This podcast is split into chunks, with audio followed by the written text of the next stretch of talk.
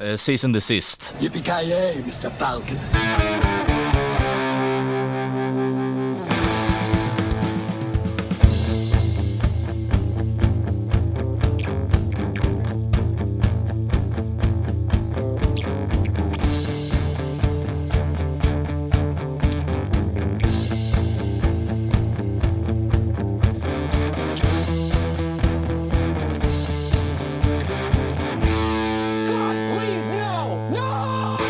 Yes, hjärtligt välkomna till Creative Meltdown Podcast. Eh, ni lyssnar på mig, Kalle.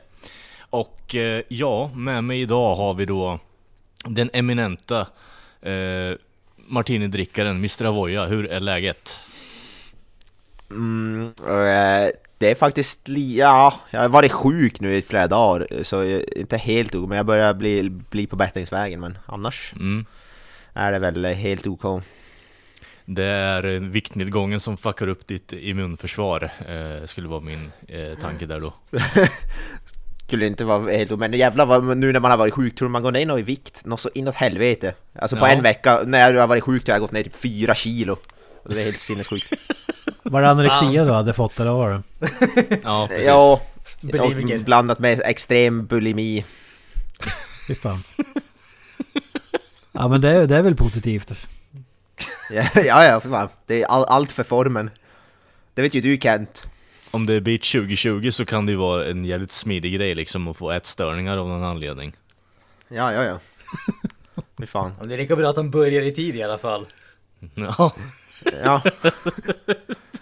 Det vet, det vet ju Kent och Granström, ni är ju, ni är ju så alltid på med om så att dagsformen måste vara på topp. Ja men så är det ju, så är det ju. Ja precis. Inne med fingrarna i halsen. Längre, längre ner, längre ner. Ja, men eh, som sagt, vi har ju då även Mr Granström med oss idag. Hur är läget för dig då, bortsett från att du håller på och peppar på matstörningar här? Eh, jag har jävligt ont i halsen. Uh, för uh, En till sjukling alltså. ovanlighets skull.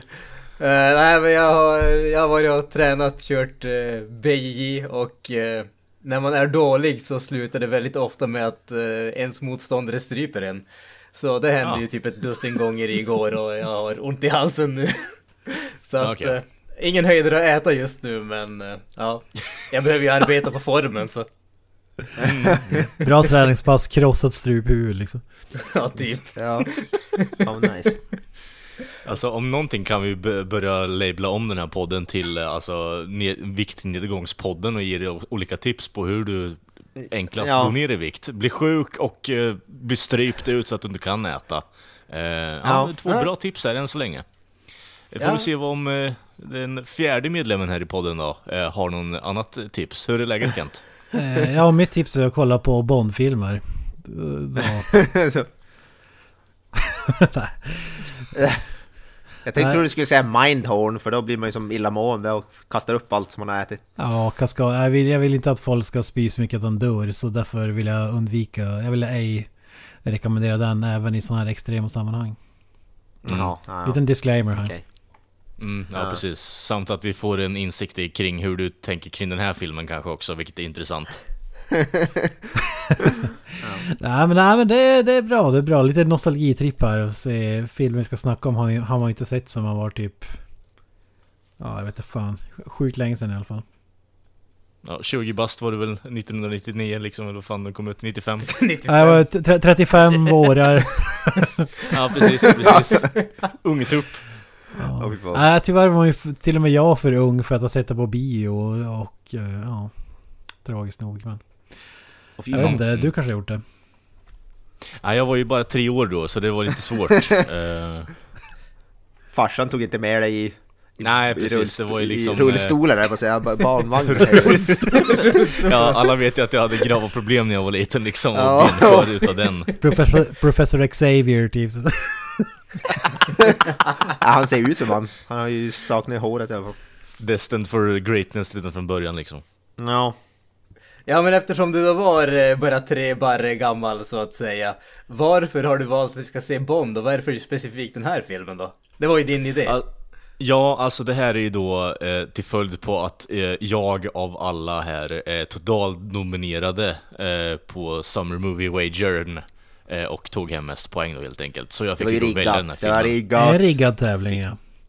Riggat. Eh, Det är bara massa förlorare som jag hör prata här nu, så vi går vidare här genom att förklara varför jag har valt just den här filmen då. Eh, Jag är då ett stort Bond-fan som ni kanske har eh, märkt av under den här tiden vi har haft podden igång. Och eh, ja, den här, den här filmen är ju ändå liksom, det är startskottet för en ny generation av Bond. Och det är den filmen som många tänker på när man tänker på Bond, eh, i modern tid i alla fall. Eh, och den är väldigt enkel att komma in i, eh, skulle jag vilja säga, för eh, utomstående som inte riktigt kan klassa sig som fans kanske. Och det är därför jag har valt den. Okej, Mm. okej. Yes. Men då är jag lite nyfiken här grabbar. Eh, ni är ju medvetna om konceptet Bond. Men är, har ni någon så här personlig koppling till franchiset eller är det bara ni har inte riktigt brytt er om det? Alltså när jag var liten då, då diggade jag Bond, eh, kanske 10 barre, den åldern. Eh, men det dalade ganska snabbt måste jag erkänna och... Eh, men det, just den här filmen, Golden Eye, var ju... Det blev som James Bond för mig eftersom att jag inte hade... Jag vet inte, jag har ingen aning vilken jag såg först men... Pierce Brosnan blev ju Bond för mig. Jag kan tänka mig att många... att han inte är Bond för 95% av jordens befolkning. Att det är, vad fan heter han? Sean Sean Connery. Connery.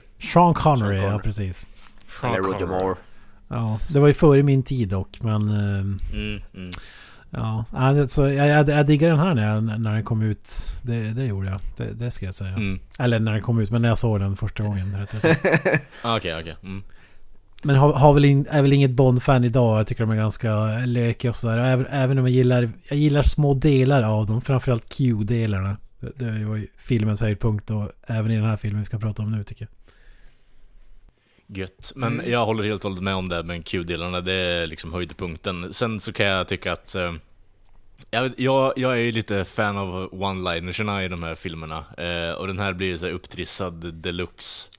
Eh, jag gillar tongue in cheek humor lite också, det, det bara dryper av det i den här filmen. Så, eh, och Bond, and, resterande Bond-filmer, men den här är ganska genomgående om vi säger så. Eh, men jag förstår ändå hur du tänker och vart du kommer ifrån Kent. Så eh, helt med på det. Eh, ni andra då? Jag har väl aldrig varit något eh, direkt fan av Bond-filmer ska jag säga. Jag kan tycka att de är underhållande att se någon gång här och där. Men problemet med Bond tycker jag det är att det är 25 filmer som är i stort sett samma allihopa tycker jag. Det, det, Alltså jag- som sagt, jag kan se någon här och där och tycka att den är underhållande. Men det är inte så att jag har någon direkt vilja eller intresse av att se fler än en eh, efter varandra så att säga. Som det kan bli när man ser någon sån där riktigt bra film och så vill man se uppföljaren med en gång. Jag har aldrig fått någon sån känsla av dem. Men jag, jag ä- än, precis som för Kent, Pierce Brosnan är ju min Bond. Alltså man var ju som för ung för att ha varit med innan. Och det, det, det som man kan säga med den här, det var ju att även innan den här filmen släpptes så hade man ju sett Bond på TV och liksom Visst, man hade tyckt att det var underhållande och sådär. Men det var ju när den här filmen släpptes som Åtminstone för mig som jag faktiskt förstod vilket fenomen som just om man säger Bond är. Alltså det var ju både när den släpptes på bios var det en ohygglig massa trailers men även när den släpptes på VHS way back in the day så var ju det också en sån här äh, riktigt, riktigt stor grej. Och Det var tidningsreklam och allting sånt kommer jag ihåg. Så att det var ju, jag tror att det, det, den här filmen är nog en av de första filmerna där jag liksom insåg om man säger styrkan i en franchise om man säger så. Alltså det, där jag faktiskt fattade vad, vad det innebar. Det, var- det var inte bara att folk såg en film och tyckte att det var okej utan det var att den här filmen är någonting speciellt. Den, den har en koppling till någonting som går över bara filmen om man säger så. Ja precis, det, det blir lite mer att det är... Det finns så mycket saker runt omkring själva, alltså det visuella du ser på, på en bioduk liksom, att det finns en cult following som är, följer den här fanatiskt och så vidare. Det var lite där du kom underfund med då, eller vadå? Ja men precis, precis. Alltså man, man fattar att det, det var ett evenemang. Alltså det här var inte bara en film som släpptes utan det, det var ett evenemang. Det var ett popkulturfenomen så att säga. Det, det var en händelse inom popkulturen att Bond var tillbaka på något sätt. Det där, där slår det fan, jag ska, ska inte sticka in allt för länge, men där slår det fan huvudet på spiken alltså. För att det var ju, det, det var ju så långt mellan, alltså Bond-filmer kommer ju typ varje år eller vartannat eller vart tredje år. Men det här var, det här var ju första gången det var en rejäl paus och det var på grund av någon så här rättighetstvist, vem som skulle ha filmrättigheterna till Bond. Och så gick det, var det sex eller sju år, det hade väl aldrig varit så lång paus tidigare. Jag tror att det, det, det var väl 80, så slutet av 80-talet senaste gången i alla fall tror jag. Att, Ja, precis. Tid för ändå i sista filmen som de släppte med Timothy Dalton där. Och sen så blev det ju videorättstvist där. Eh, vem då Ja, skulle ha rättigheterna för videobanden och liknande för hyrningen och allt. Med tanke på att det blev jävligt stort. Ja men det, jag, jag tycker att det är samma om man ska dra några paralleller idag så var det ungefär som när Star Wars kom tillbaka där det kom, ja det- inte så tätt i, i, i följd men bättre jämförelse. Om, Mar- om Marvel-universumet skulle pausa i typ sju år nu det skulle bli en jävla hype när det väl skulle ånga igång igen. Men nu har vi det där att vi får det varje år. Och som Granström säger, att man blir, jag tror folk blir trötta och sådär. Och så sen bygger man upp lite törst efter Bond igen. Bara på grund av den här pausen också kan jag tänka mig. mm. Jo, jo, absolut. Mm. Avoya, du som är yngst. Nej, fan, tänkte säga att jag är Kalle yngst men... alltså, jag har inte... Jag, jag är väl ett hyfsat Bond-fan ändå, skulle jag väl påstå. Alltså jag är också som ni säger uppväxt med Pierce Brosnan. Ser väl han som Bond, även om jag absolut inte tycker han är den bästa Bond, men på, ändå så blir han Bond eftersom han är som uppväxt med det. Men jag tycker absolut inte hans filmer är de bästa. Jag gillar till exempel alltså, Casino Royale med Daniel Craig kanske är min favorit James Bond-film. Jag tycker den är riktigt bra. Till exempel, men... Eh, jag hade någon period för några, något, några år sedan när jag försökte som sätta mig in i Bond, jag såg några filmer, jag tror även jag eh, lyssnade igenom några böcker, två, typ de två första böckerna på ljudbok eller något sådär. Eh, men jag kom aldrig så här hela vägen, jag har absolut inte sett alla filmer eller men... ja jag skulle väl säga att jag är ett hyfsat Bond-fan och... Ja, finns, eh, finns en hel del bra där. Men det är samtidigt inget så här... Eh, alltså, jag är absolut ingen så här rabiat Bond-fan och jag tycker... Jag vet ibland, de är lite för... Det är lite för, lite för cheesy, nästan lite för så här. Äh, ja, jag vet inte. L- Lite för snygg action om man ska säga, säga så. Det är, ju- det, är ju, det är ju ingen så här äh, ra, Rambo-action vi pratar om. Det här är ju så här. Äh, det här är nästan mer åt Marvel-hållet skulle jag vilja säga påstå. Alltså jag, jag, jag, vet, jag vet ju inte vad, hur det ser ut för dig, men eh, varje gång som jag kör en stridstank så känner jag att jag måste rätta till kragen i alla fall. Ja, ja exakt. ja, ja, ja. Den måste ju sitta rakt. Det är ju väldigt Ja, ja, ja. viktigt. Men... Estetiken är av stor vikt. Ja, det kanske är därför, just därför jag gillar Daniel Craig till exempel och Casino Royale, för de är ju lite mer så gritty och lite mer åt mörkare hållet, lite mer våldsam, lite mer realistiskt. Det här är ju så här verkligen så här perfekt, eh, snygg action när Pierce Brosnan, inte ett hår hamnar fel liksom, någonsin i en enda scen, även fast han ramlar fem våningar eller blir skjuten eller slå, slåss. Ha- Hans kostym, hans frilla, alltid perfekt. Liksom. Men jag absolut gillar Bond, som sagt. Och ja, vi kommer men det, finns mycket, även mycket tv-spel, bra jobb, James Bond-tv-spel finns det några stycken faktiskt också. Jo. eh, ett baserat just på den här filmen, så, kanske speciellt. Jo, alltså jag vill ju få det till att det spelet har ju på något sätt byggt upp den här filmens eh, kultstatus eh, än idag. Eh, och till min vetskap så är det ju mer eller mindre typ det första b- riktiga, alltså riktiga Bond-spelet om du förstår vad jag menar. Alltså att det blev lite av en happening kring det spelet samtidigt som det blev för filmen. I och för sig så blev det ju två år efter filmen, men det var ju fortfarande eh, ett stort spel liksom var det ju. Eh, och jag tror inte att, eller det har inte, det fanns ingenting liknande eh, innan kopplat till en film på det sättet, vill jag påstå egentligen faktiskt. Alltså det fanns filmer baserade, eller spel baserade på filmer tidigare, men det här är väl det första som blev, hade någon sorts kvalitet och faktiskt inte var skit. Eh, och så var det väl också även ett av de första FPSen som fungerade bra på konsol. Jag skulle nog till och med våga gå så långt som att säga att det var det första FPS som funkar bra på konsol. Ja, det kan det till och med vara så. I, i, Eh. Inte minst på grund av eh, 60, eh, Nintendo 64ans eh, analoga stick så att säga som inte så många hade haft tidigare på kontrollerna. Så att den hade ju förutsättningar som inte hade funnits tidigare heller. Mm. Exakt. Mm. Men jag tror också om, om vi ska gå in på just den här filmen så är jag 100% med på att Alltså vi hade ju glömt bort den här filmen jag, jag, jag kan inte sära på de andra Pierce Brosnan-filmerna men jag kan den här utan och innan för att man spelar ju spelet så jävla mycket. Alltså, jag, jag tror inte de hade... Det är ju det som gör den här filmen så jävla kult. Och så, som ni säger, alltså det som spelet gjorde var att spelet är ju en enda stor version av filmen egentligen. Och det, det är ju där, om man jämför när jag och Granström spelade Nintendo 8-bitars, typ köpte du ett spel som kopplat till en film, det var ju, hade ju i princip ingenting med, med eh, själva filmen eller vad det nu var att göra. utan det var den liksom- hade det var bara ett spel. titeln gemensamt. Ja, Titeln precis. Gemensamt. Och i bästa fall omslaget. Titeln och och tecknat omslag ungefär, det var väl så långt in vi kom Ja, precis. Precis. Ja, nej men där har du ju helt rätt. Alltså, det, spelet är ju filmen i en eh, kondenserad version så att säga. Och det gjordes ju faktiskt riktigt, riktigt bra också. Alltså det, det, det, du hade ju en genomgående handling och spelmekaniken fungerade och det var... Jag tror den tog det här med movie tie-ins till en, en ny nivå. Alltså för tidigare eller innan som du säger. Alltså det, det hade knappt någonting med om man säger filmen eller whatever att göra utan det var, det försökte bara rida på namnet så att säga. att Okej, det var en känd film, nu släpper vi ett spel som heter samma sak och hoppas på att folk tror att det är bra bara för att det bär namnet. Här var det ju faktiskt ett eh, kvalitativt spel så att säga. Alltså att spelet fick ju ett, ett eget liv. Alltså det var ju inte bara en sån där... eh, Folk köpte det och sen så spelade de det en gång och glömde bort det. Utan det var ju... Det blev, spelet i sig blev ju ett fenomen för att dels var det en väldigt bra single player-kampanj. Men det som jag tror att de allra flesta kommer ihåg det är ju de oerhört intensiva multiplayer-matcherna som man körde på split screen. Absolut. Ja, absolut. Och Jag det är ville de som, bara- och ja, de jag som vill valde bara ta en- oddjobb. Ja, exakt. Jag ville bara ta ett stick, stickprov här i podden egentligen. Se, var det någon av er jävlar som spelar som oddjob eller? Jajamän. Alltid ja, oddjobb. det, det ante mig Kent. Det fucking Ja. ante mig.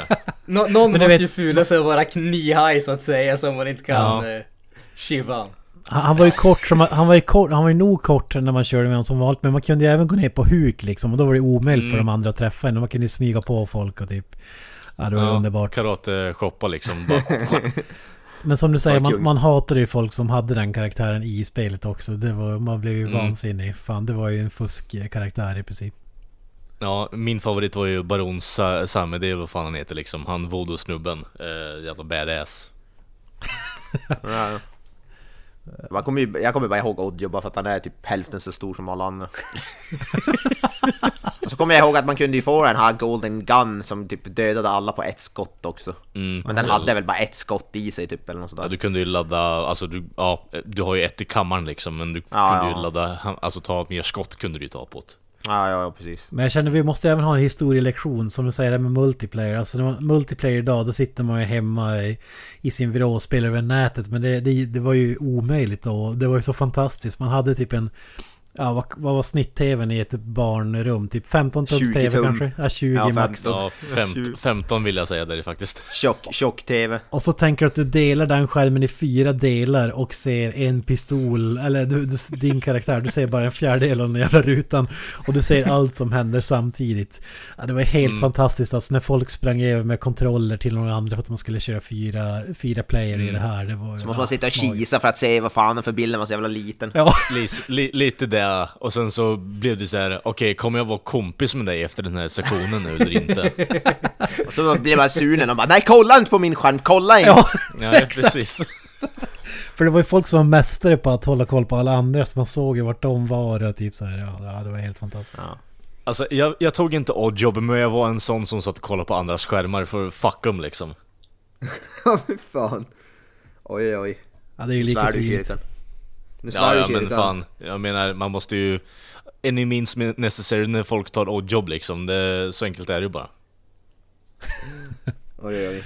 Ja, och ro rocket launchern också. Fan vad magisk. Min favorit var ju laserpistolen, den var ju alltså helt underbar. Pew! Liksom bara. Ja, som sagt, fantastiskt spel. Och så just det där att man sitter fyra pers och bråkar om samma mini-tv och i Mm. samma rum. Det, det, det var ju... Det var ju nostalgi. Vi, vi pratar om att spy här och, och det här spelet är väl ganska känt för att jag vet inte om det är grafiken eller vad det är som gjorde att eh, folk började må, vissa började må illa av att spela och jag var en av dem. Men var, man typ satt och spelade tills man liksom låg och spydde på golvet ungefär för att det var så jävla eh, kul alltså. Det, det var någonting med den FPS-grejen och grafiken som gjorde att, ja, jag, jag minns inte riktigt men. Ja men det, det, det är ju att fo- folk har problem, alltså det är samma som med Doom och sånt där. Alltså folk är, Ja, tror att, de, de tror att det är du som rör det men det är bara din karaktär så kroppen får ett sånt där eh, motsägelsefullt eh, intryck där, det tror, där kroppen tror att du rör det men du sitter still och så blir man typ Men det är väl- sjuk ungefär. Det är detsamma för, som med folk som blir idag sjuka när de spelar VR typ. Det är väl inget, så, inget nytt direkt. Nej, det, det är ju ungefär samma sak. Och sen en, en tidig variant av det. Ja, exakt. Det var ju också sjukt jävla snyggt att spela grafikmässigt för sin för dag, för det är ju... Det, Ja, alltså, det var ju... För, Det var ju... för Det var ju sin tid, låt oss säga Ja. för sin tid. Nu ser det ut som anus.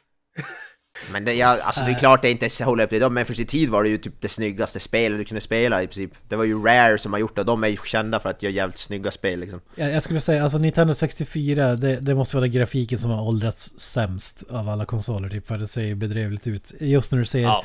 alltså när du, när du har pistoler och fyrkantiga objekt då är det inga problem. Men sen när det är människor då ser det för jävligt ut.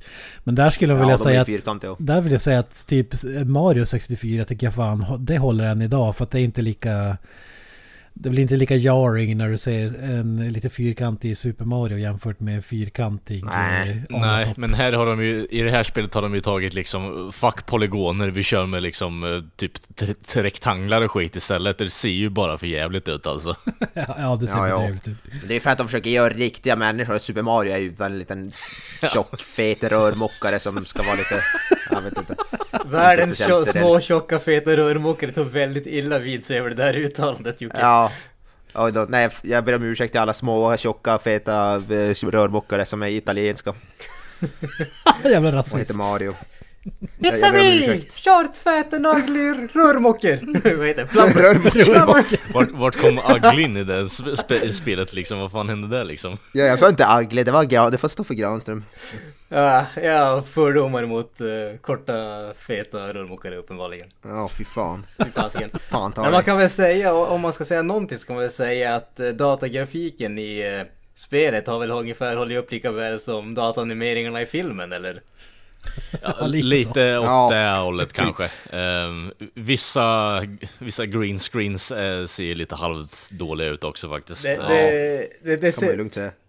Den här filmen var ju en av de tidiga där de faktiskt gjorde de här eh, Mm. ja, datanimerade bitarna helt enkelt. Och det märks ju definitivt att det har inte åldrats speciellt väl.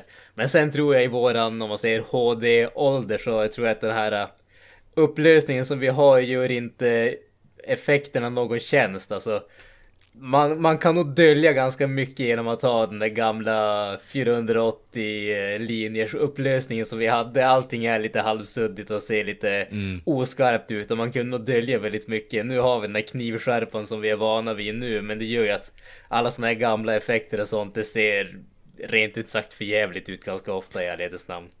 Jo, jo, men jag är helt med på det här hållet, absolut. Men den här filmen egentligen, eh, alltså... eh, det är inte eh, effekterna som är det imponerande egentligen. Jag tycker mer att det är kreativiteten bakom den här filmen som är jävligt eh, nice alltså. Eh, faktiskt. Merparten av Bond-filmerna är ju väldigt kreativa när det kommer till specifika saker som... Det, det är en av grejerna jag faktiskt uppskattar med Bond-filmerna, att det är, finns en sån här kreativitet bakom det, speciellt med Q och eh, lite hur prylarna används och så vidare. Och, eh, många dödsscener är väldigt imponerande och alltså genomtänkta om vi säger så. Don't touch that, it's my lunch. Ja, precis. Alltså dialekt, dialekterna i den här filmen är ju en helt annan historia som man kan ta. Fast det är väl inte någonting, det är väl ingenting nytt för en Bond-film. Överdrivna, orealistiska dialekter för Nej, inte, inte direkt. Eh, med tanke på att du har en svensk som ska spela rysk eh, och eh, svenska dialekten kommer igenom i alla fall. Men jag menar, ska vi sitta här och leta petitesser så kommer jag ju sitta här tills nästa dag liksom i stort sett. när det kommer till den här filmen. Det här är ju definitionen av dumb fun i min bok faktiskt. Alltså alla, alla karaktärer och skurkar är så karikatyrer eller vad man ska säga. Av, av alltså Ja. ärke, ärke typer av, vad heter det? Men, men är, är, är inte Bonds grej också? Ja, det, det, Jo, det är det jag Det är säger. Det, går man in i en Bondfilm utan att veta det så kommer man inte ha en kul alltså, stund egentligen. Nej, nej. Nej, sorry. Men, men det, det jag gillar med den här filmen, jag eh, nämnde till dig Kalle här innan, det, det var ju att den här filmen den blandade ju den klassiska superostiga Bond och satte den i modern snygg förpackning. Lite som, som vi pratade om Casino, Casino Royale gjorde för 2000-talets James Bond. Och som du sa innan, det är samma regissör också, Martin Campbell. Mm. Och jag skulle påstå att han reinvented Bond i den här. Så, så det är som...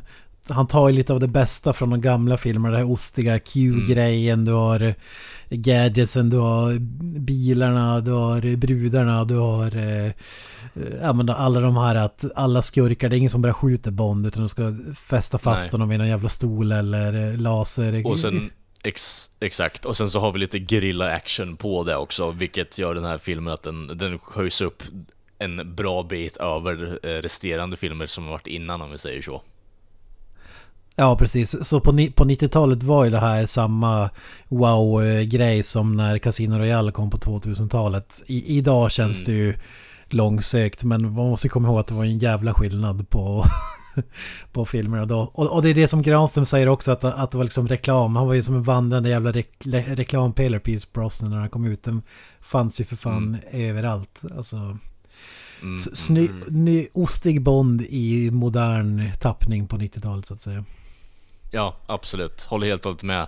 Eh, däremot så eh, vill jag ändå påpeka att eh, actionscener i den här filmen håller fortfarande upp tycker jag i alla fall. Sen så får ni tycka precis vad fan ni vill, men alltså ärligt talat, det, jag sitter fortfarande klistrad på, i soffan när jag sitter och kollar på de här scenerna, även om det är, som Granström säger, 480p liksom. Det, det ser för jävligt ut, men god damn alltså, det, det är spännande och, det, och det, jag vill inte ta bort blicken från skärmen liksom.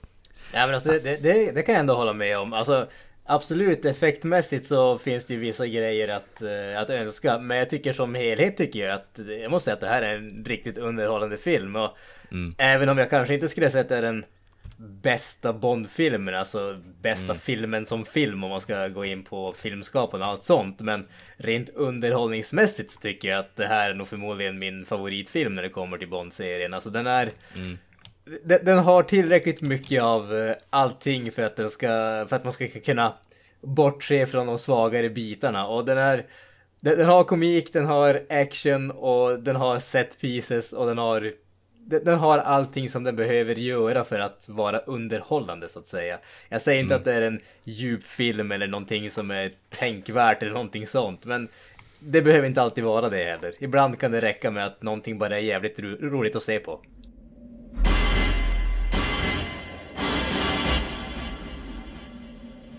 Name's Bond. James Bond. The world's most famous secret agent is back. Ja, det här är ju då den sjuttonde filmen eh, i serien, eh, för de som inte vet.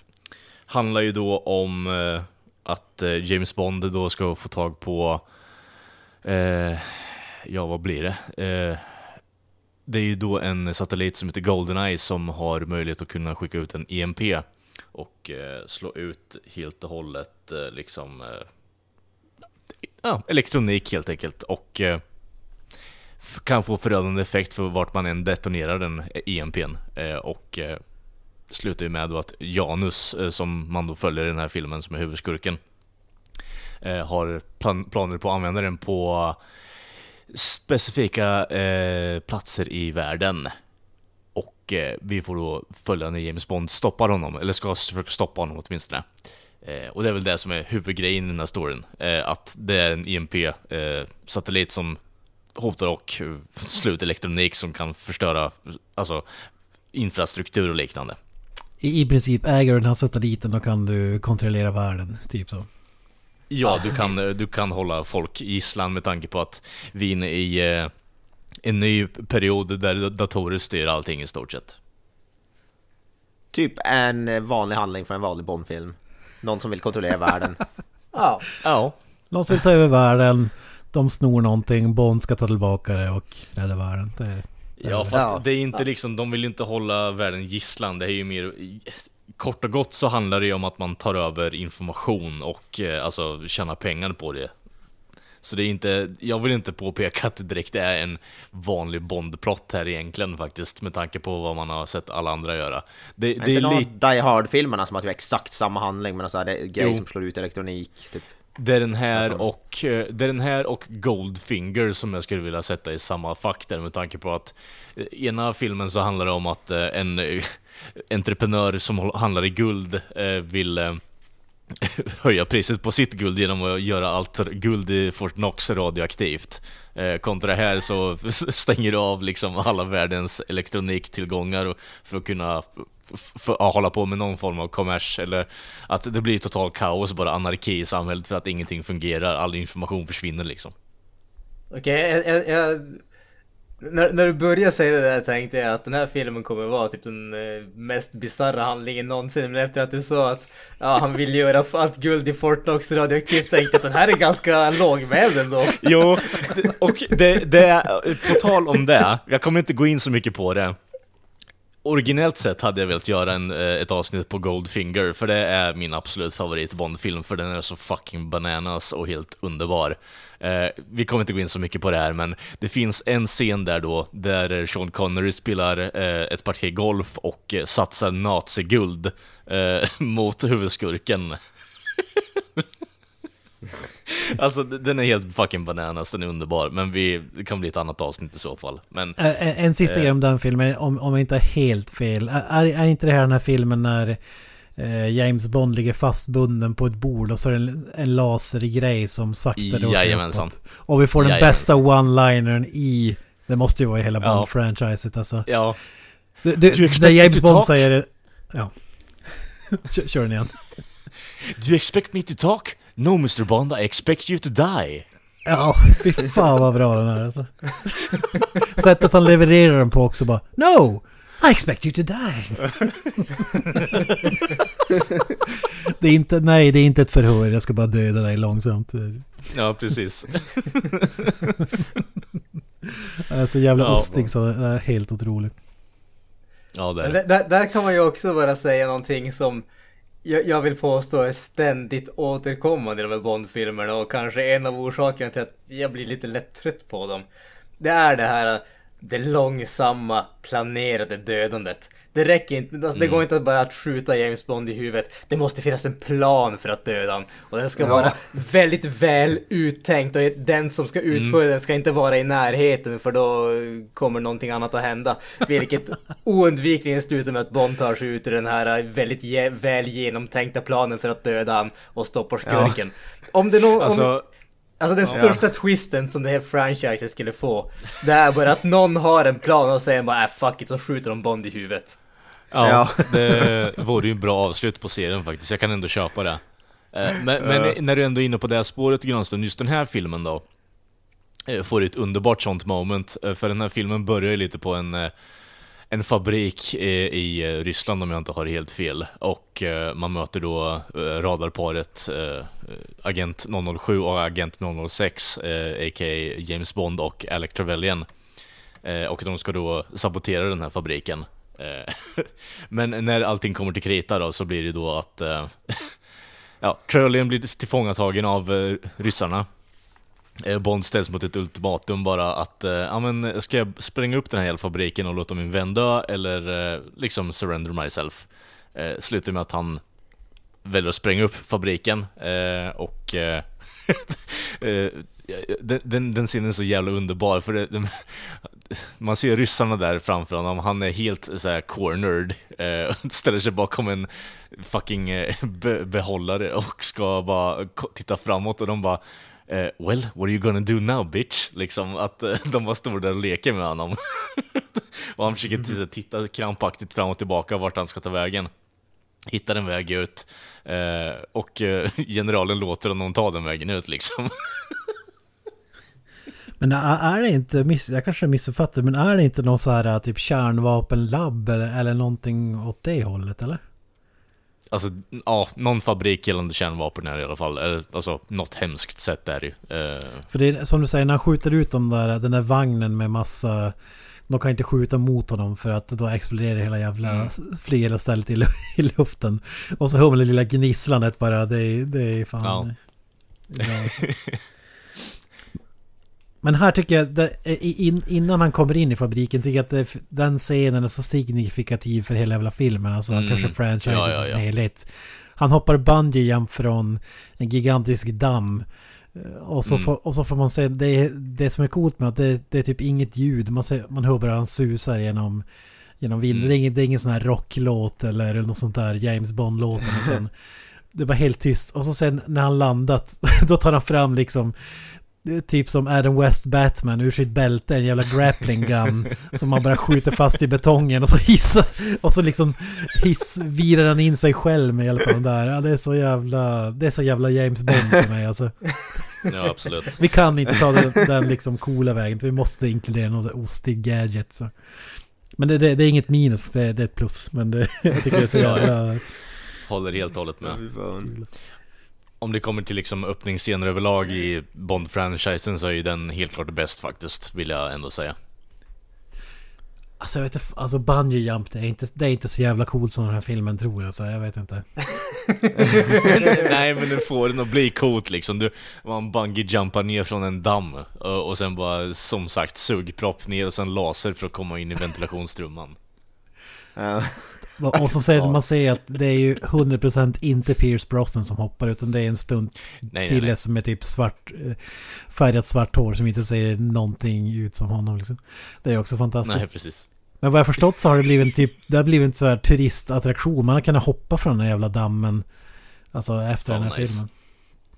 Så. Alltså, eh, jag vill ju dra en petition i så fall grabbar att vi eh, kör där avsnitt 200. Ja, ja, precis. Jag, jag tvivlar på att det liksom lever än idag. Från de, varje dag sedan 1986 har folk vallfärdat dit för att hoppa bungee jump. Det, kän, det känns som att bungee jump dog vid millennieskiftet, kanske tidigare. Jag vet inte. Alltså, det, det, ja, alltså jag tycker ändå det är still going strong med tanke på hur mycket han ser det överallt men det behöver inte gå in så mycket på bungee jump här nu liksom men Ja, Fy fan. Ja men alltså överlag då grabbar, vad tycker ni om hela introt? Alltså bungee jump scenen, ner i ventilationstrumman, hänga upp och ner och slå en vakt medvetslös i en toalett och så vidare liksom. Det, det är den inte magisk liksom, det, eller vad säger ni? Vad är hans one-liner där i toaletten? I forgot to knock. Ja.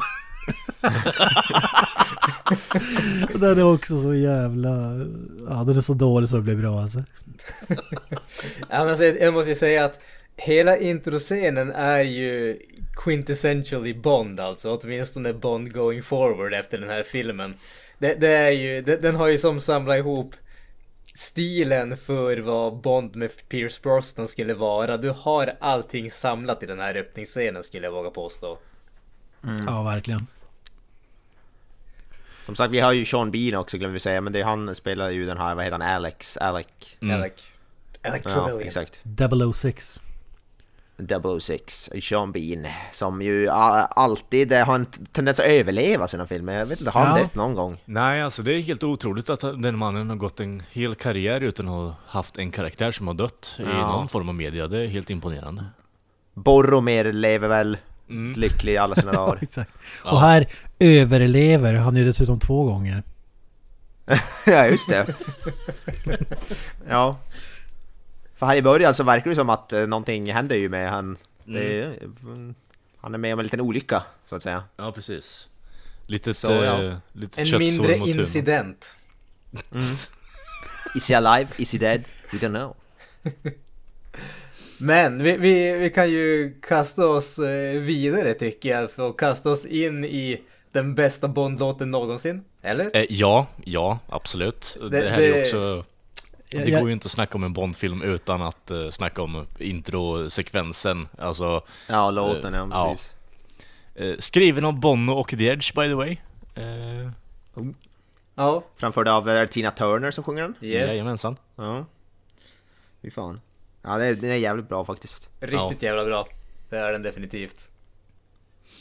Men är det någonting som de lyckas eh, i merparten av fallen göra bra så är det fan introsekvensen alltså med eh, låten. Eh, sätter stämningen väldigt bra i merparten av fallen. Det finns någon låt här och var som är riktigt jävla kass alltså, men det...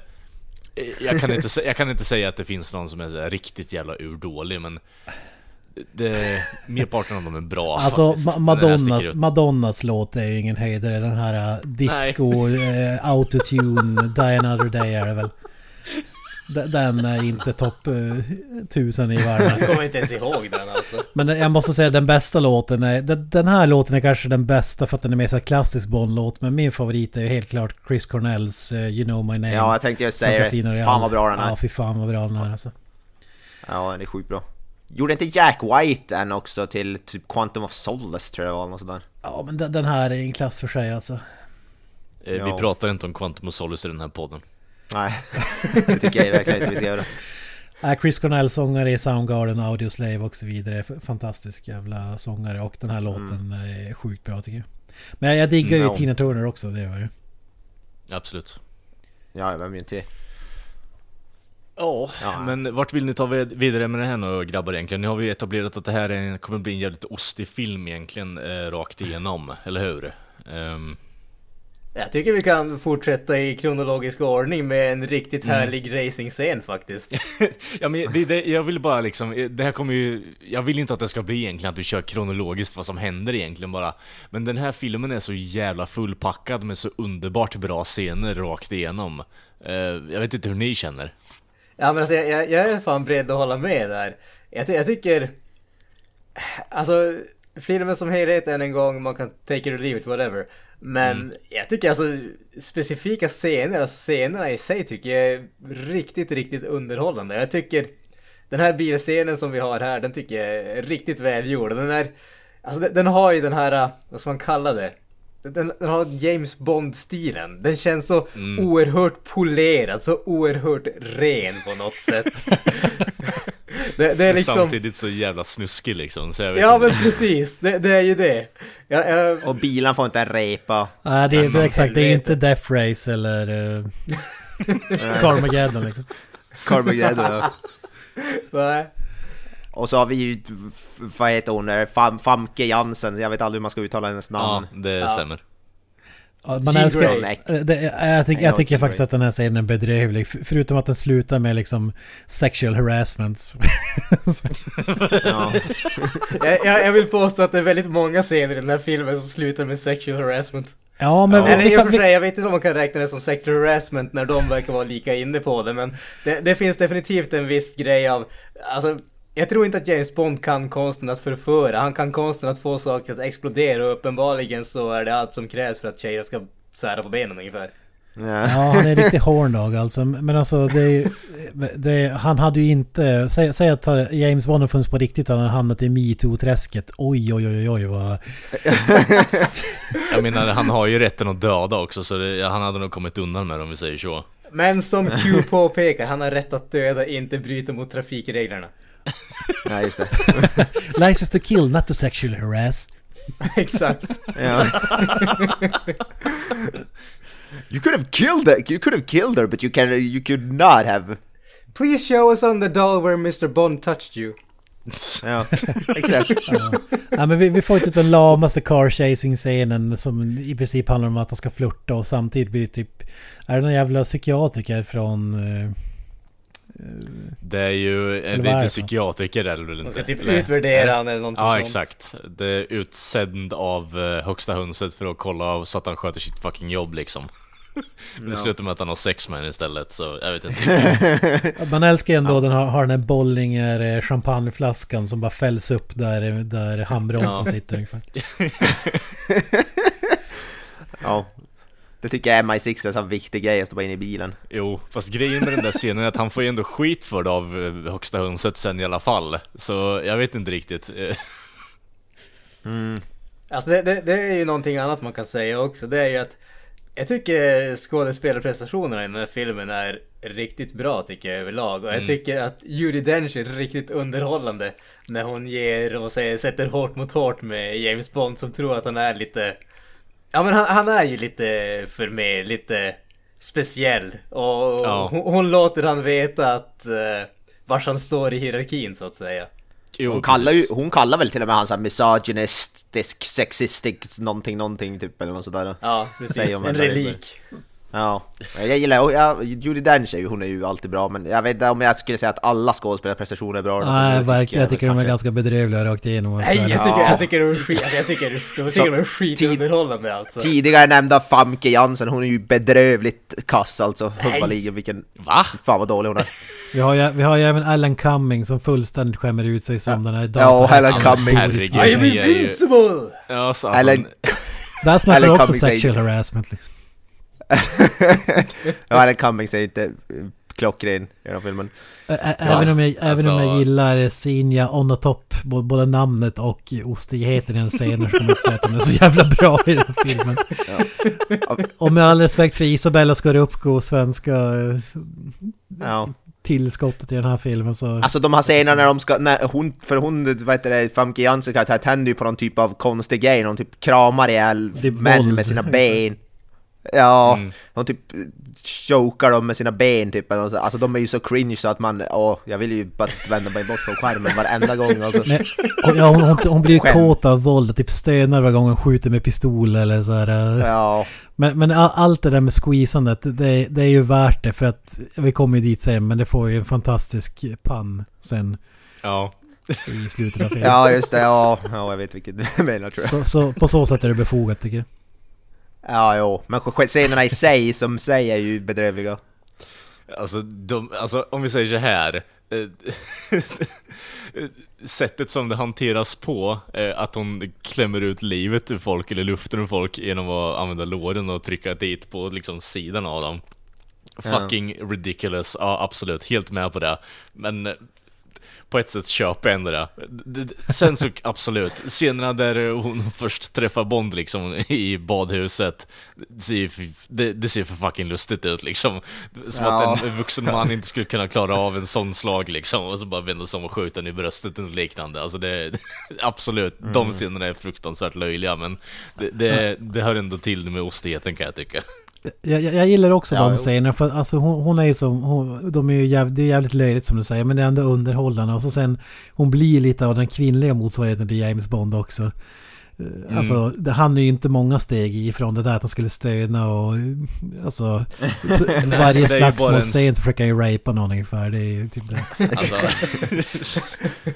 alltså, vi skulle nog säga att det finns nog en hel del mentala problem som ligger mellan de två för att de ska bli på samma nivå där, men ah, ja, Men, men det sa de också när de gjorde den här filmen att nu skulle Bondbrudarna vara bara såhär damsel in distress och, och nu skulle de bli liksom de skulle bli tuffare, de skulle ha en egen, de skulle, Mm. och, och det, det får man ju säga, det har ju både Skorupko och eh, Onatop, eh, skådisen, hur man uttalar hennes namn, Jansen. Jansen. Så de, de du är, de är ganska badass, i, i alla fall Sinja tycker jag.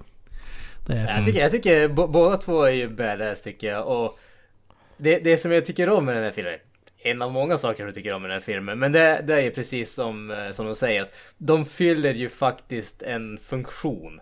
Ja, de, de, de, de är inte bara där för att vara damsel in distress, de är inte bara där för att de ska vara någonting som Bond kan stoppa kuken i, utan de, de har faktiskt en, en funktion i filmen så att säga. mm, de, är absolut. de sakerna också.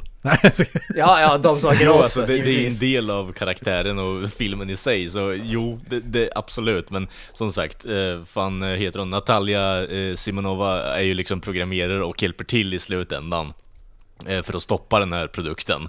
Eh, samt att eh, Senja är ju liksom, ja, crazed sext eh, fiend eh, psycho killer liksom, så det, ja, det finns ändå någon form av eh, power structure där egentligen, de, de är inte helt hjälplösa direkt. Ja, det, det är ljusår kvar till Sigourney Weaver i Alien-franchiset men det är ändå eh, badass för att jättemycket Ja, Jo, ja, jo, absolut. Ja, ja men alltså, man, man måste ju se det i sammanhanget. Alltså, absolut, det här är inte någon feminists våta dröm, men för att vara Bond så vill jag påstå att det är ett ganska stort steg framåt. Precis, det är bättre beskrivning. Fan. Ja. Eh, vi är vidare då. Vi, vi nämnde ju här... vi har typ pratat en- hur länge som helst och har knappt kommit fram första scenen. Vi har men- kommit tio minuter in i filmen. Ja exakt. Mm. 006 avrättas. James Bond drar därifrån på ett jävligt Mm. eh, spektakulärt sätt. Det, det är också en actionscen. Eh, Lite, Mm. lite så här uh, Tom Cruise Mission Impossible idag fast totally bananas. Ja, ja men det, det coola med det var ju faktiskt, det var ju en snubbe som gjorde det där jävla hoppet på riktigt. Men sen så har ni förstört det genom att klippa in Pierce Brosnan i en bluescreen och allting sånt där. Men det var ju fan, det var ju en snubbe som gjorde stuntet på riktigt. Alltså hoppa och föll ikapp och tog sig in i planen och hela den biten. Mm. Hur var det? Han kör motorcykel bakom ett flygplan? Eller Han, ja precis, han kör motorcykel. Han, han hoppar in i ett flygplan. Och vad heter det, blir och startar det och far ut på en runway. Han, det kommer en skurk på en motorcykel och- som lyckas eh, Han ska döda Bond och Bond lyckas hamna utanför planet så att säga. Så han tar motorcykeln, kör efter planet och planet far ut för ett stup och han hoppar med motorcykeln bara handlöst ut för stupet och faller i planet så att säga. Mm. Och Triple X. därifrån. Ja, alltså det, det är Triple X. Det är lite Vin fan Stick. Ja. Den den är inte believable för fem öre men jag tycker fan att den är trots sin ostighet eh, rätt cool ändå. Ja, ja. Ska vi kasta oss in till... Eh, ja, vad ska vi kasta oss in till? Ryssland, Robbie Coltrane. Och Hagrid. Ja, alltså den, den scenen är så jävla bra, introduktionen där också. Alltså, kommer in dit, Bond glider in som en jävla lirare, bara sätter sig där va. Blir, eh, blir fångatagen liksom va. Jaha, du, du är här igen, din jävel. Du som gav mig mitt fucking limp leg liksom. Och så, eh, det, fan heter han? Eh, fan heter han? Jag ska kolla upp det här bara lite snabbt där. Eh, Valentin Sukovski, eh, han är med i flera filmer också i Bond-franchiset, franchise by, by the way. Men hur som helst, hans flickvän är där och sjunger. Eh, varpå Bond lägger i kommentaren va, eh, vem är det som stryper katten? För, för, för övrigt en väldigt trevlig cameo av Mini Driver som jag helt hade glömt Mm. bort på med i den här filmen. Mm.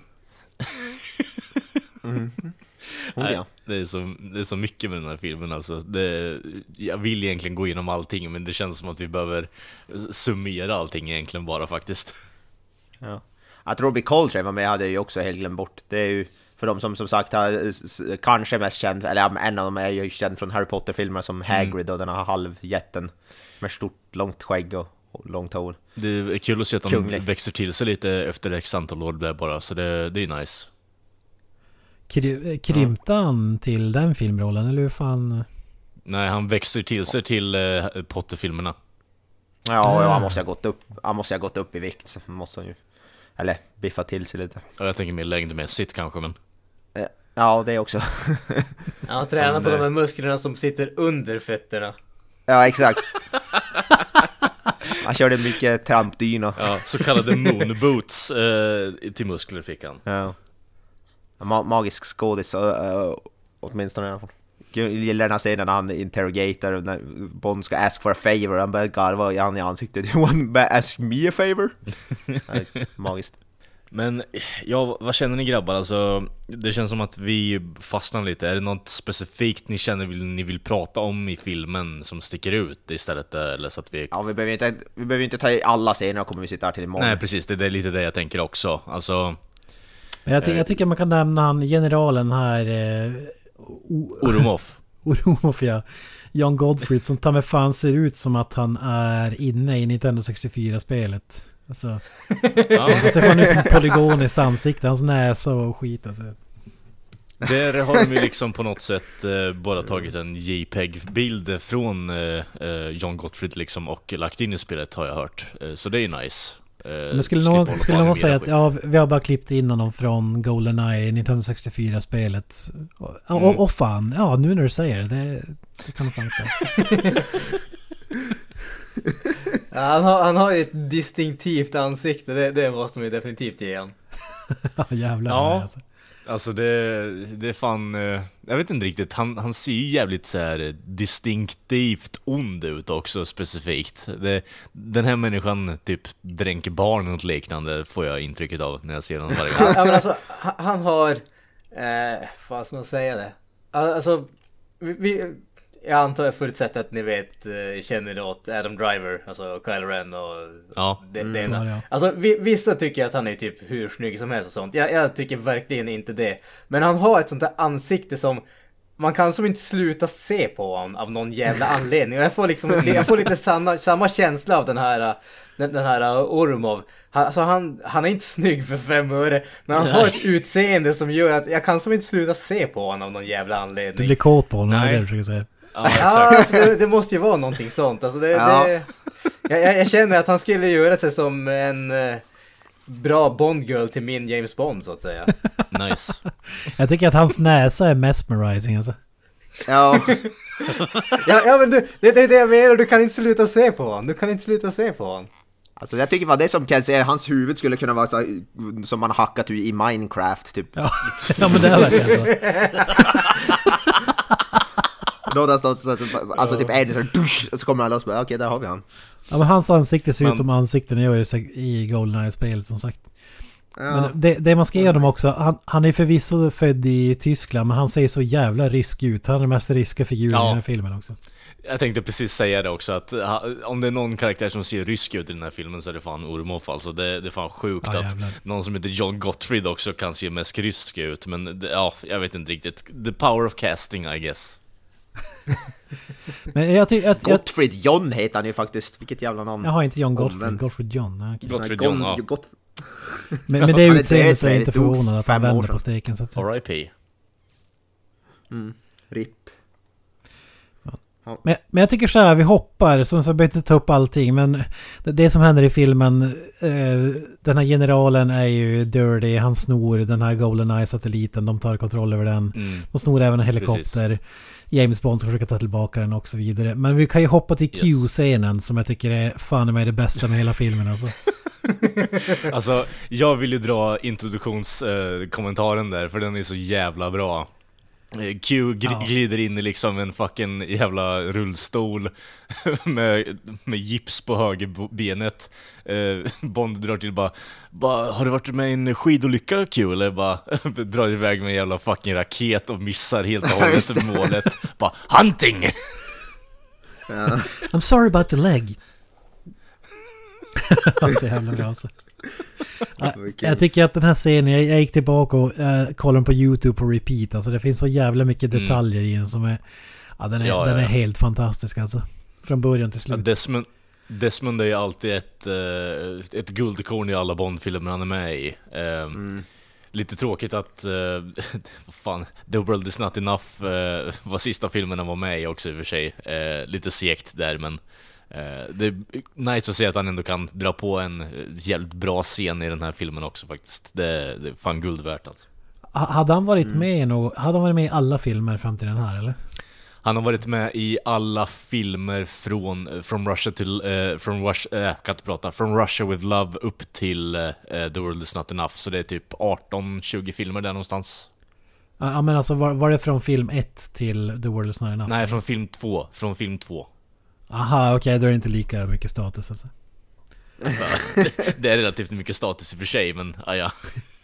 Ja men jag, jag gick som sagt tillbaka och kollade på YouTube på den här scenen och, och då kollade jag på kommentarerna och det är faktiskt som någon säger, du säger att han ger en magisk prestation. Alltså förvisso, Mm. men det är bara hans karisma som bär upp det. Men det är någon som säger att det är uppenbart att han kollar över axeln på Pierce Brosnan och läser från Q-cards för att han inte kommer ihåg replikerna. Och det är så jävla uppenbart om man tänker på det och ser scenen. Alltså jävlar vad han inte kunde komma ihåg replikerna. Men det var ju för att han var så jävla gammal antar jag. Men det var ju sjukt Högst troligt. Han är ju fortfarande kung. Ja, ja, ja. Men eh, nu har ju du förstört en del av den här, eh, alltså, magin med Q egentligen Kent. Ja. Vilket jag Ja, kommer men jag, jag, tycker det, jag tycker det blir ett till lager på Q. Eh, Jag tycker att det... Man, man kan ju bara nämna den som inte vet om James Bond, om man inte vet vem Q är. Det är snubben som levererar alla de här typ laserklockan eller eh, bältet med en jävla vajer i Mm. till James Bond. Alla hans gadgets. Ja, exakt. Eh, står ju för Quartermaster också by the way. Eh, men eh, det är ju liksom prylsnubben, uppfinnar-Jocke i det här universumet om vi nu kan dra en svensk koppling där istället kanske. Man gillar det testlabbet också här för allting failar ju i bakgrunden. Det är så- Allt går åt helvete. Alltså min favorit är ju ändå telefonkiosken i den här eh, scenen faktiskt med tanke på att den kommer från fucking ingenstans liksom. Den, den är placerad mitt i fucking eh, shotten där också. Det är så underbart när de rullar förbi. Det, det är en telefonkiosk och så exploderar det typ en krockkudde eller någonting. Så att snubben som står i den är helt uttryckt mot rutan. Och så Ja. se, senare i den här scenen, då rullar de förbi den snubben som. Det bankar på rutan och han är helt mosad mot uh, fönstret liksom. Det är helt fantastiskt. Men, men min favorit är helt klart den eh, sista, när han håller på med pennan. Eh, Mm. Det, det är en exploderande penna. Om, om du klickar den tre gånger och väntar fyra sekunder då, då sprängs den som har den. Och så tar James Bond upp pennan och så klickar han tre gånger bara Hur många sekunder var det nu igen? Och så bara Ja men sluta larva dig nu för fan. Och så tar han pennan Stoppar tillbaka den. Och så, och så vad heter det eh, Han drar ju någon pann där eh, The writings on the wall. Ja Along with the rest of him eller vad han säger. ja, precis. Och så tar James Bond upp en stor jävla baguette och börjar snurra på den som att det är typ en bomb eller någonting. Och så han bara... Och så tar han av den och bara Stop it! That's my lunch! Ja. En scen. så jävla bra. Ja, det är faktiskt magiskt bra den scenen alltså. Det, det är också helt uppenbart att han garvar, att det inte var i manus att han skulle garva. För sättet han garvar på när han drar den här pannen. Eh, Ja. Along with the rest of him, den var ju inte scriptad. Men det, det gör det bara ännu bättre tycker jag. Ja, ja, helt underbart. Den är fan, det måste fan vara min favorit Q-scen tror jag. Som, det är den enda jag kommer ihåg i och för sig. Men den, den är fan 10 av 10 alltså. De brukar alltid vara jävligt bra, men alltså det Jag vill bara flika in där med att den som man är med i första filmen, den är jävligt lam alltså. Det är bara in, alltså visa utrustningen. Det är från Gold, eh, Goldfinger som det verk, verkligen blir en grej. Att man åker ner till Q-branch och så får man en specifik scen med eh, briefingen och eh, utgivning av eh, utrustning och gadgets liksom. Och så har de en ja, skämt emellan med tanke på att de känner varandra, att de har en working relationships liksom, så att de är jävla sliter med varandra liksom. Det, det är då de brukar börja ha kul med det typ eller vadå? Ja, precis, exakt. Visst var det John Clee som tog över efter den här snubben va? Som Yes, Q. Ja, det var ju också Ja. en klockren casting måste jag säga. Ja, yes. alltså att John Clee, stoppa John Cleese i vad som helst, det är ju klockren casting. Oavsett. Jag måste säga att det är ju tragiskt tycker jag i... De pissar ju på den här snubben Desmond Lewin i... Är det Casino Royale? Det tar över en ny snubbe som är typ 15 år gammal med glasögon och som är supertråkig. Ja. Och så får typ Ja. James Bond, Daniel Craig får typ en låda med en pistol och mobiltelefon ungefär och så typ Jaha, Mm. det- det är inte direkt som att det är julafton eller? Och så bara What did you expect? An exploding pen? We're not doing that, those things anymore eller sånt där. Det är så... Ja, Fy det, fan vad de det- pissar på den. Jag blir fan ledsen alltså. det, är det, jag, det är det jag säger egentligen, alltså, det är därför jag inte riktigt har så stor respekt för de senaste Bond-filmerna, ärligt talat. Alltså, jag tycker att det blir lite för sterilt och... Ja, Ja, det, Det som är roligt för, med Bond eh, försvinner. ja. Men, ja. Ja, exakt. Exakt. Det roliga har tagits bort för att det ska vara lite mer realistiskt, vilket det är inte grejen med Bond i min mening, men ja, ja, whatever. Nej, Bond ska ju vara typ Adam West Batman. Han ska I sitt bälte ska han ju allting som behövs förklara vad som Ja, helst. precis. Alltså jag tror inte, om jag kommer för som sagt, jag har ju läst igenom eller lyssnat på de två första böckerna, jag tror inte han har så jävla mycket gadgets just i böckerna. Nej, jag tror det är något okay. gjort för filmerna. Okej.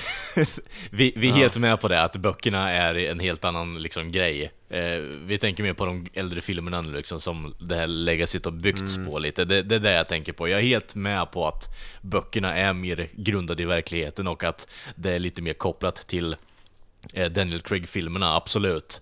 Men det- är fan inte Bond alltså, för mig är det- är det inte det. Det, det, det känns bara udda. Ja, jag håller med. Men det här är ju vad Beck-filmerna saknar. Det enda de saknar det är att Micke P ska få massa gadgets. Och. Alltså, Las- Jag kan inte hålla med att det hade fan gjort eh, Beck till en mer tolererbar eh, filmserie faktiskt. Som för övrigt har mer filmer än den här filmserien, så ja, sug på den I guess. Exakt, bättre än Tänk om Bond. Micke P ska... Tänk om Micke P ska interrogata någon med en laserklocka bara. Nu jävlar! Ska du få känna. Den här klockan blir en stålsnara. Bengt 64 får sina hornhinnor bortbrända av en laserklocka. Vart gömde du henne din jävel? Annars får du smaka på laserstråle här fan. Bara tanken med att Peter Haber skulle ha en jävla bälte som skjuter ut en vajer som man ska kunna svinga sig över är ju fantastiskt måste jag säga. Och sen går den av på grund av att han har ätit för många kanelbullar. Då Det blir prinsesstårtbit för mycket. Eller att grannen har en sån här eh, typ eh, eh, nyckelknippa som exploderar om man visslar God Save the Queen liksom. Men, men, men det här är viktigt. Det här, det här var ju det man älskade med Bond-filmerna när man var liten. Det här, det, är ju, vi- vilka gadgets är det? Det måste vi räkna upp. Det är exploderande penna, det är ett bälte med en vajer i. Vad är det mer? Mm. Laserklocka. Laserklocka. Och bilen är det. Bilen är en BMW någonting. Ja, men den används inte till sin eh, fullaste eh, eh, punkt om vi säger väl så. Eh, det är ju mer bältet, laserklockan och eh, pennan som är inkluderat i det här. Är det. Mm. Och eh, Qs lunch också, det ska vi inte glömma. Qs lunch. Det är ju det, lite side story här. Men jag, jag hade ju en polare som... eh, Hans love life var ju inte det bästa så att säga. Fram tills hans farsa köpte den här bilen som är med i James Bond. Då helt plötsligt flockades ju damerna runt honom. Så alla där ute, köp en BMW, vad den är för märke på den här. Mm. Om, vadå, om, man har då, om man har ett dåligt love life, köp en BMW. Så. ja, precis. Fan. Ja, men kolla på, kolla Ja, på nyaste. Bond-filmen och... Uh, gå Köp efter den det, bilen liksom. bara. Ja, Mm, precis. mm. Nu är väl Bond-bilen Bond typ en. Tesla eller en uh, Smart Car, jag vet inte. Ja, det är den där jävla typ eh, security-bilen Teslan släppte, släppte nu liksom, den jävla pansarbilen som har eh, okrossbart glas liksom. Ja. Ja, Cybertruck. den nya Den Bond-bilen. skulle Fan, den känns, det känns fan James Bond alltså. Typ kör under vatten eller något sånt där. Det känns som. Ja, alltså det, det känns så. Nej, vet du vad det, vet vad det känns som? Det, det känns som att vi kommer att få någon ny sån här uh, James Bond ute i rymden. Han kommer att köra den där bilen på typ månen eller någonting sånt. Jag menar, det- that Bond already, already fucking exists though, men ja ja. Ja, men jag, ja. jag, tror att det är som, jag tror att det är Cannonball Run 2. När Jackie Chan kör en bil som kan köra under vatten. Så ser fan Cybertrucken ut alltså. Nice. Jag tänker ju på bilen, eh, Lotusen som Roger Moore kör under vatten med också, så ja. Ja, fy fan. Ja, okej, ja, kanske jag kanske blandar ihop dem. Ja, men undervattensbil. Ja, precis. Cybertrucken, do it. Ja, det är fan en, eller en ny Batmobil skulle ju Cybertrucken också kunna vara. Mm. Men ska, ska vi hoppa till slutet då? Det, det är ju som sagt allting. Jag tycker det är fantastiskt med datahackingen här på 90-talet. Det, det här var ju innan det var massa Ja. koder och grejer. Nu var det bara, man skriver in folks lösenord så har du hackat eh, FBI ungefär. Ja, precis. Och så hackar de ju typ bara att de, de sitter ju bara och smattrar på tangentbordet. Och så bara, nu har jag hackat mig in i världens mest avancerade databas. Ja men typ lösenord för kärnvapen. jag tycker om den här Typ, plain text hackingen också. Send Spike. Spike. Ja, Ja. exakt. det här är ju klass med Godzilla, Roland Emmerich, den här Fish... Fish-grejen. Vad fan är det det står? That's a lot of fish. That's a lot of fish. Men typ fish... Eh, Ja men de har ju bara satt dit en fiskikon på skärmen och bara, bara This is where we keep the stash. Jag vill bara göra så här. Det är som att det skulle stå typ Hack computer? Frågetecken. Yes. Det, det, det, det är typ att tittarna är idioter. De kan ingenting om hacking. Vi måste förenkla det. Och där typ lösenordet till kärnvapenkoden är typ Fido. Eller Ja, 1, 2, 3, 4. ja men typ password. Alltså, och det är ju som sagt Alan Cummings som vi pratade om tidigare, han som är hackern. Briljant eller? Bra skådespelare. Ja ja. Han har gjort några bra roller men det här är, kan ju vara hans sämsta tror jag. Alltså, jag håller definitivt inte med alltså. Jag tycker han är... Jag tror vi nämnde han i ett, i ett tidigare avsnitt som en sån skådis som man alltid vet känner igen men aldrig kommer ihåg namnet på. Ja det är ju klockren beskrivning alltså. Mm. Vem? Ja. Ursäkta, vem var det? Ja, Alan. Cumming. Alan Ja. Cummings. Ja, alltså han- är ju Nightcrawler för mig. Det är typ det enda jag känner igen honom i. Ja. Han var ju med i Maskens återkomst. Ja, han har varit med i Sen Spy Kids eh, 3D också. Och fy fan. Inte sett någon av de filmerna. Nej, gör inte det. Robert Rodriguez eh, Magnum Opus. Ja, exakt. Eh, fu- Fuck Mariachi-trilogin liksom. Det, det är Ja. Spy Kids där det gäller liksom. From Dust Till Dawn, eh, what? Ja, G- exakt. Got no shit. Ja fy fan, vad är det hans catchphrase är i den här filmen? I'm brilliant! I'm invincible! Nej, Invincible är det, just det. Was it good for you Fan. too? Uh, ja. Was it good for you? ja, jag, jag är med Jag på tycker gran- om den senare reaktionen där. ja, ja, men, jag är ändå med på Granströms spår alltså. jag, jag älskar Alan Cummings i den här filmen alltså. Det är så jävla... Det är så jävla ostigt alltså. Han är så... Han är så jävla full of himself. Eh, Det är så jävla bra alltså. Jag kan inte beskriva det på något annat sätt än att han bara gör en riktigt jävla bra tolkning av rollen faktiskt. Ja, ja, det gör han. Herregud vad vi klä- klämmer i här alltså, men visst. Jag, jag tyckte att det var coolare i spelet, just med hans outfit. Den här jävla hawaii-skjortan och... Ja. Han är klädd som jag typ. På en, eh, casual. Ja, kan inte du göra en cosplay av eh, Boris liksom? Ja, det, han, är år? ju, ja, det, han, är ju typ, han är ju typ jag när jag sitter hemma vid datorn. Mm. när jag gör något sånt. I'm bri- Så där säger jag varenda gång jag gjort någonting så bara I'm brilliant! I'm invincible, whatever. Du behöver ju bara liksom färga håret så är det ju där Jocke. Ja, jag vet. Fan. Uncanny. Han är Jo, fan lite lik, så. alltså. Uh, Ja, men Yes. till eh, slutet om ni inte vill eh, ta de andra imponerande scenerna med... Eh, Ja, vi måste ju Ja. ta pansarvagnen för fan. ja, ja, jo, för, för, just det. Ja, pa- Pansarvagnen är ju ikonisk för den här filmen i alla fall. Ja, det, Ja, det är typ absolut. det enda jag kommer ihåg från filmen innan jag såg om den nu liksom. Han, han typ jagar skurkar vid vad är det, genom gatorna av Sankt Petersburg. Sankt- Ja, precis. Sankt Petersburg. Ja. Fan. Ja, precis. Om den statyn fastnar ov, ovanpå, alltså ja, fy fan vad bra det är. Ja men den- den generalen har tagit Isabella Scorupco väl till gisslan och, och de kör iväg en bil. Och han tar en pansarvagn som står parkerad med nycklarna i. Jag vet inte om han har nycklar till en pansarvagn men... Den står ju på tomgång i alla fall. Och så tar han den och brakar Ja. igenom med en betongmur. Den scenen är jävligt cool tycker jag. Ja, ja, så får du ju det sedvanliga liksom i bakgrunden. Ja, Det ja. är så jävla underbart. Det är så jävla... Det är så jävla tillfredsställande att ha den låten i en sån scen alltså. Det, ah, Alltså det ser, ju- det ser ju så bra ut, de, de måste ju ha haft någon, alltså lånat en jävla riktig stridsvagn så ser det ut som, det ser jävligt bra ut ja, faktiskt. det, Ja, det har de. Jag skulle, jag skulle tro att det förmodligen är det inte gjort på gatorna i Sankt Petersburg utan det är nog gjort i en studio. Det är eventuellt Ja. med en riktig stridsvagn, det skulle jag inte tvivla på. Fun fact Nej, är att de har, ju faktiskt, eh, de har ju faktiskt filmat i Sankt Petersburg, så det är nog inte helt omöjligt att det har varit on location eh, när de har filmat där och att det är. Någon form av fake set i Sankt Petersburg, skulle jag tippa på i så fall. Men det, det, det Ja. jag gillar med den här, Ja. det är två grejer. Alltså dels att han sladdar varje kurva och man säger att de har spol... Det är jävligt blött på backen. Så jag kan tänka mig Ja. att de har spolat en jävla massa vatten för att den ska glida lite på asfalten när han gör sig tvära Ja, ja, ja. svängar. Men... och så dels, vad fan är maxhastigheten på en pansarvagn? Alltså, kör du ikapp en bil med en fucking pansarvagn? Jag vet inte. Går inte här, typ så här 10 km i timmen eller något sånt, man kan inte gå ikapp den.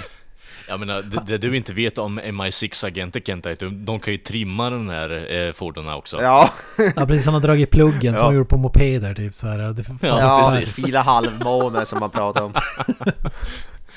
Han installerar lustgas där bak också. Den går som min push för fan. Ja, den går utav helvete så. Ja, Men det, det var känns som att den jävligt- första Kota hade ju passerat, kört åttor runt den här jävla pansarvagnen i verkligheten. Men Ja. Kommer en epa-raggare och så bara så kör, kör, kör förbi och pekar finger åt dem. Vem fan tror För att jag älskar det- bara scenen när han, som, som, när han står med som huvudet att, så halvt ute ur stegsagan och kör typ samtidigt också. Det är som så här, vad heter det? Det är ju som de här, vad heter det? Ja, med afrokrulle som kör bil med huvudet ovanför bilen. Eh, What? Ja, äkta, äkta horror. Bröderna Fluff. Jaha, Bröderna Fluff, ja.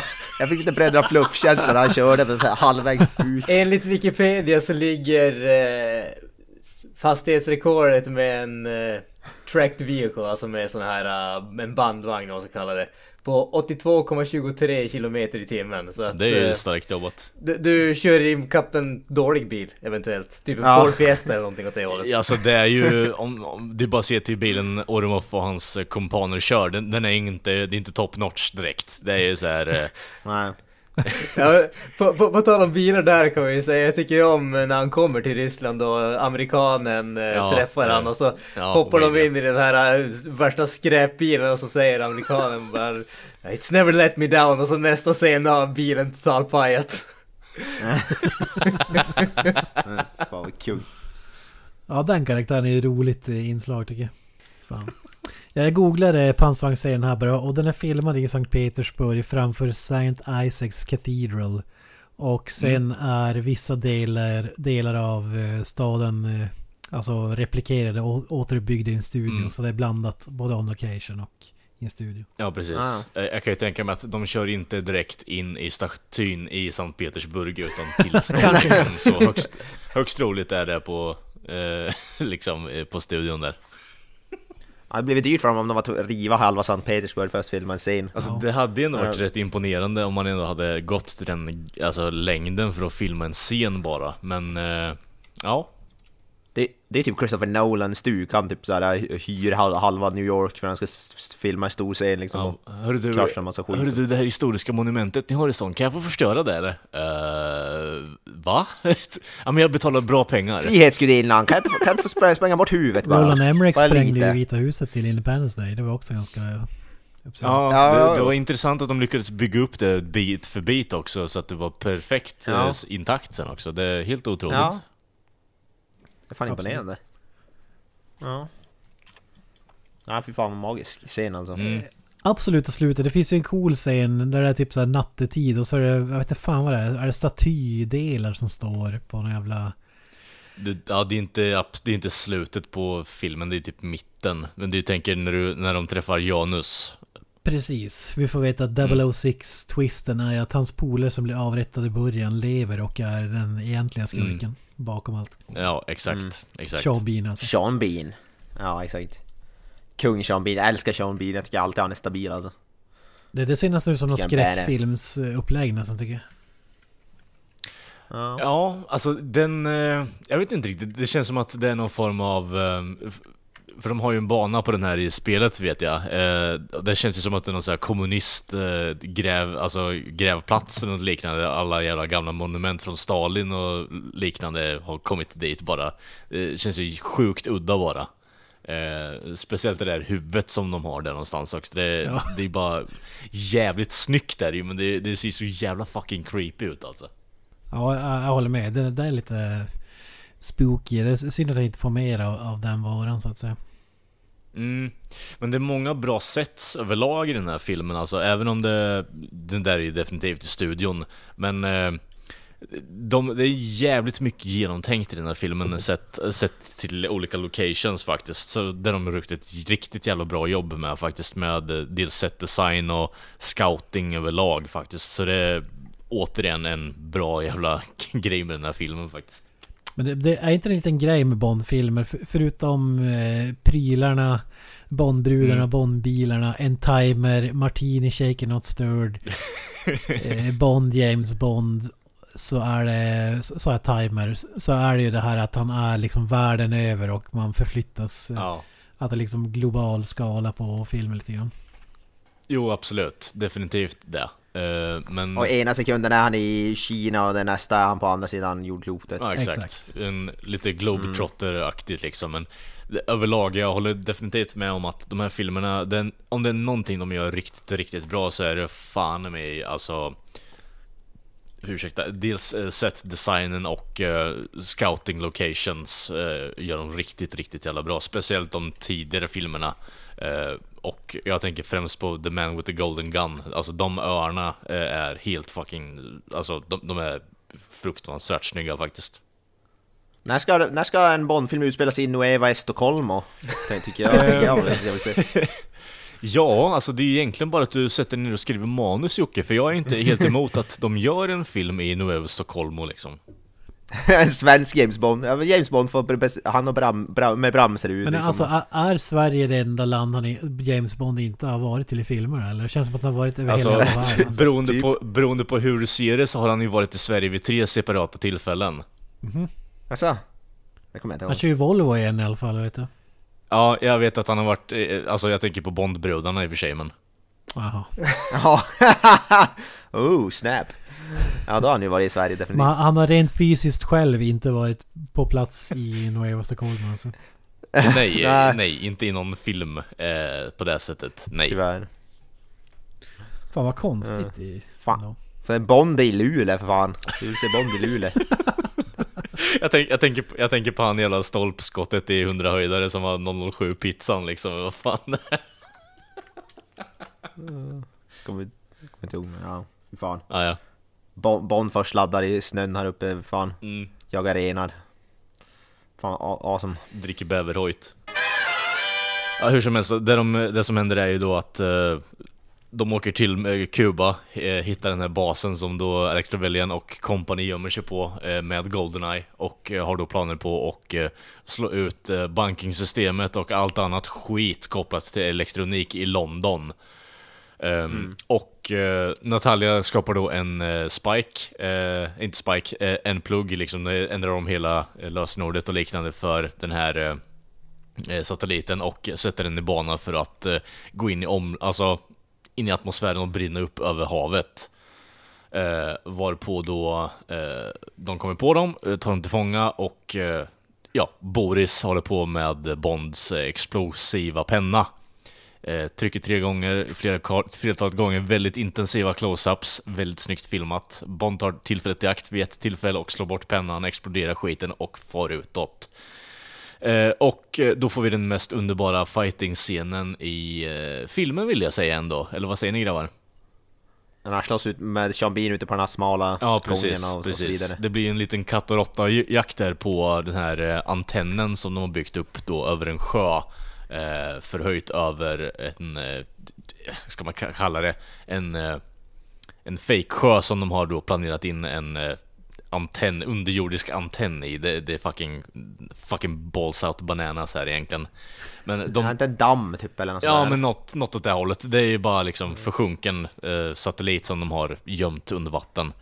Men hur som helst, de har ju då en stor katt och, råtta-jakt, eh, katt och råtta-jakt på den här satelliten, eller på den här antennen då. Eh, och det är mycket back and forth mellan Electrovellian och Bond. Eh, kommer till då en liten fisticuffs i ett eh, closed in space, eh, ja, closed space liksom, att det blir väldigt eh, eh, intimt slagsmål. Har ni några tankar in, alltså just kring den här scenen och uppbyggnaden boys eller? Alltså först och främst vill jag säga att den, den måste ju vara inspirerad av Star Wars. När Luke Skywalker sitter på antennen på Bespin, eller? Ja, Ja, ja, slutdelen av den fighten, ja absolut. Det måste vara en ren Definitivt. hyllning. Om, om, inte, om inte Danny säger någon hyllning till någon äldre film, det, det vet jag inte. Men den kändes jävligt eh, Luke Skywalker när de hämtade upp honom och hela den här biten. Mm, mm. Ja, ja nu, nu, det tänkte jag fan inte på när jag såg men det var fan det. Frame by frame nästan, känns det som. Alltså, Ja. ja. inte riktigt så kanske, men jag, jag, Alltså- jag ser vart du kommer ifrån. Alltså när Sean Bean, alltså, för jag tänker mig att det är ju svinlångt fallet mellan botten på den där och så ner i, vad heter det, på betongen där. Och Sean Bean överlever det här fallet. Det Ja. är, alltså, antingen har jag missbedömt hur långt det är, eller så är det ju en av de största goofsen jag någonsin har sett i en film alltså. Eller så har du eh, underskattat Sean Beans eh, förmåga att överleva i filmer hittills Jocke. Ja, ja, ja okej, det är väl det då. Mm. Jag tänker det ser ut som att det är flera, flera, flera meter, det skulle bara vara typ köttfärssås kvar. Jo. av Ja, det är han Jag, jag, jag tror inte att du behöver oroa dig för att Bond försöker vara realistisk, så att säga. Ja, nej, nej, nej. Han, han bara dammar av dammet från axeln och så går han vidare. Ja, alltså, jag, jag varit förvånad där faktiskt att vi fick se om man ser när han slår ner. För annars brukar det alltid vara att man ser liksom de faller jättelångt och så får man ett litet plask där nere eller sådär Mm. splopp och så sen så är det inget mer. Här får vi liksom, man ser han faller och sen klipper vi bara till liksom närbild på vad heter det botten på den där antennen och så bara ser man något sploff Ja. komma ner på den. Det ser ju fan Ja. ont i mig typ. Jo. Och så sen hostar han bara lite bara, och vänder, vrider på sig lite I sådär. 99 fall av 100 hade vi fått ett Wilhelm Scream och så hade han ramlat i vattnet och så att han kan återvända till någon film längre fram. Han dör inte helt liksom. Ja. Ja, fast grejen är, det, det, ja, det hade vi inte fått i en Bond-film Kent, med tanke på att de är så här, i- alltså väldigt... Uh, Realistiska. tidigare. Ja, precis. De är, har, in, har ingenting med eh, liksom varandra att göra egentligen. Efter typ Spectre, eh, eh. Jag tänkte säga alla Daniel Craig-filmer hänger ihop visar sig. Spoiler alert. Jo, jo så ja, men... Eh, Men men, jag har sett de gamla för dåligt men det, det känns ju verkligen som James Bond alltså. Men det Mm. kanske inte är så. Men det var ju bara, han överlevde bara för att de skulle få bygga upp den här dödsscenen när den har fallit ner och sp- som spetsar han eller vad det, vad det gör. Det var ju bara därför. Nej, jag, jag, ty- jag tycker inte att det är någon så här... äh, Jag hade förväntat mig något större som slutfight. Alltså, den där var ju lika lam som det var i spelet. Man sprang bara runt och pepprade honom tills mm. han dog. Alltså, ja, det, det känns... Jämfört med de andra scenerna, alltså till pansarvagnar och även all, hela den här biten så tycker jag att det var Mm. lite lamt faktiskt. Jo, alltså jag hade ju hellre tagit en lite mer... Eh, jag, jag vet inte riktigt, eh, alltså hand-to-hand combat hade ju varit lite mer nice ute på eh, antennen så man får se dem istället för att det blir så här mörkt och man bara ser dem hålla på att falla omkring liksom. Att det blir lite mer, eh, alltså up close and personal istället för att det blir en så här katt och, ja, katt och råtta-jakt i typ två, tre minuter med pistoler eh, och så vidare. Jag tänker raka Alltså det- motsatsen. Jag tänker Rocket Launchern från spelet. Ja, ja det, hade ju varit, det, det hade i och för sig varit någonting. Eh, ja, jag vet inte riktigt. Golden Gun, sju skott i pannan. men vi måste ju Ja. nämna det här. Vi teasade om det innan så vi inte glömmer bort det. Det, det här hände ju innan den här fighten. Men när Sinja Onotop eh, dör, kan du dra den? För den pannen måste ju vara bland de bästa i franchiset eller? Ja, du får gärna dra pannen, men jag kan ju, jag kan ju sätta upp den åt dig kan jag göra. Eh, hur som helst då, eh, Natalia och eh, Bond blir nedskjutna eh, eh, från luften när de kommer in i Kuba. Eh, och eh, ja, hamnar ute i djungeln, eh, blir eh, medvetslösa och eh, Bond vaknar upp av att en helikopter är uppe i luften. Eh, det är en ensam person som håller på med selen nerför och eh, ja, hoppar ner på honom och det är då Senjana Topp. Och eh, övermannar honom helt enkelt. Eh, men eh, det kommer då en eh, underbar moment då eh, Bond använder då eh, den här selen emot henne eh, genom att han skjuter då eh, piloten eh, i helikoptern eh, med selen fortfarande är kopplad till henne och eh, helikoptern drar åt ena hållet eh, och eh, Senja åker åt andra hållet, eller med följer med och blir då fastkopplad i ett träd. Ja, precis Och, kläms, kläms till döds. kläms till döds i ett träd. Ja, precis. Och då säger James Bond, som den psykopat han är, så vänder han sig om till Isabella Scorupco och säger att She always did enjoy a good squeeze.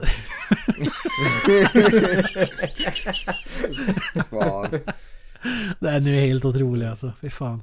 Ja, det är den faktiskt.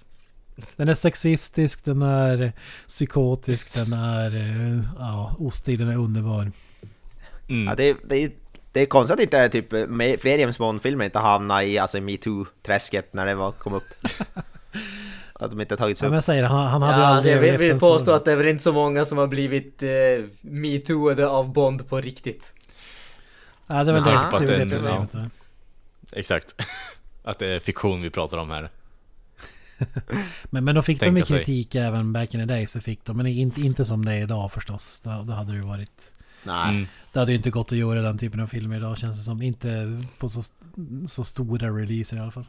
Nej, vi kör Granström, slutord. Vad, vad säger du om Goldeneye? Hur- sa- Sammanfatta skiten. Mest underhållande Bond-filmen, Pierce Brosnan är en perfekt Bond, grymmaste Bond-låten.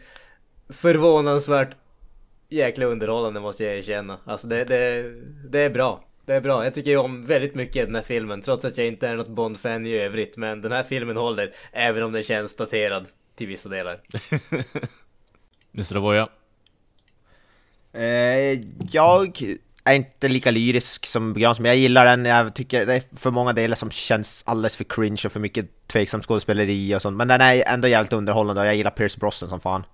Men det finns andra filmer som jag det, tycker om mer i franchise. Men, men det är förmodligen i alla fall Pierce Brosnan, den bästa Pierce, alltså Pierce Brosnan Bond-filmen är ju nog med hästlängder skulle jag nog påstå. Han har väl inte ens gjort, alla hans andra Bond-filmer är väl rätt kassa om jag kommer ihåg det.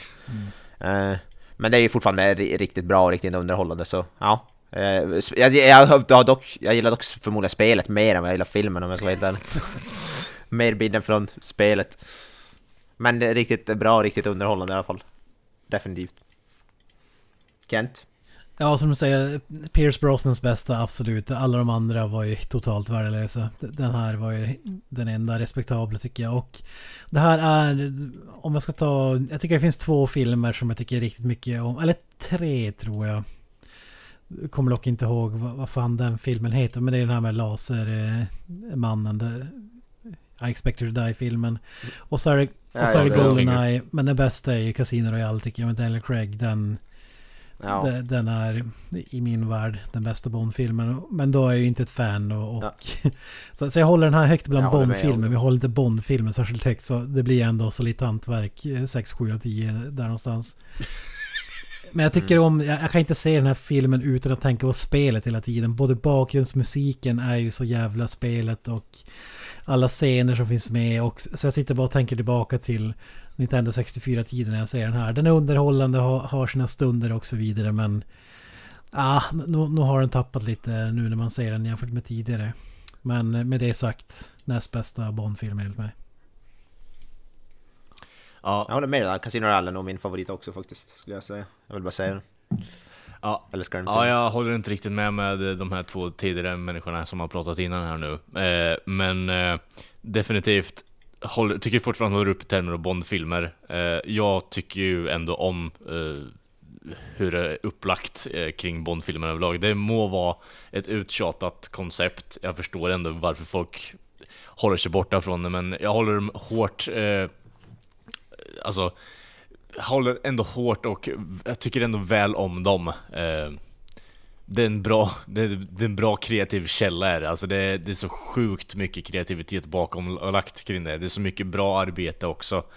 Eh, jag fattar att folk inte tycker om skådespeleriet, men jag tycker ändå att sett till manus och vad de har fått och jobbat med, eh, det är en ostig liksom hög vi pratar om här egentligen, men jag tycker de gör ett strålande jobb faktiskt. Speciellt eh, Alltså Pierce Brosnan som Bond i det här läget. Han är ju som skapt för den här, eh, för den här rollen. Och det har de ju vetat sen de har försökt få dit honom sen Remington Steel-tiden också. Så definitivt min, en av mina favorit Bonds i alla fall. Eh, sen så är det lite svårt att slå originalet i Sean Connery med tanke på att han eh, han är så pass jävla dryg han också. Eh, och det, det, det, blir så jävla underhållande blir det.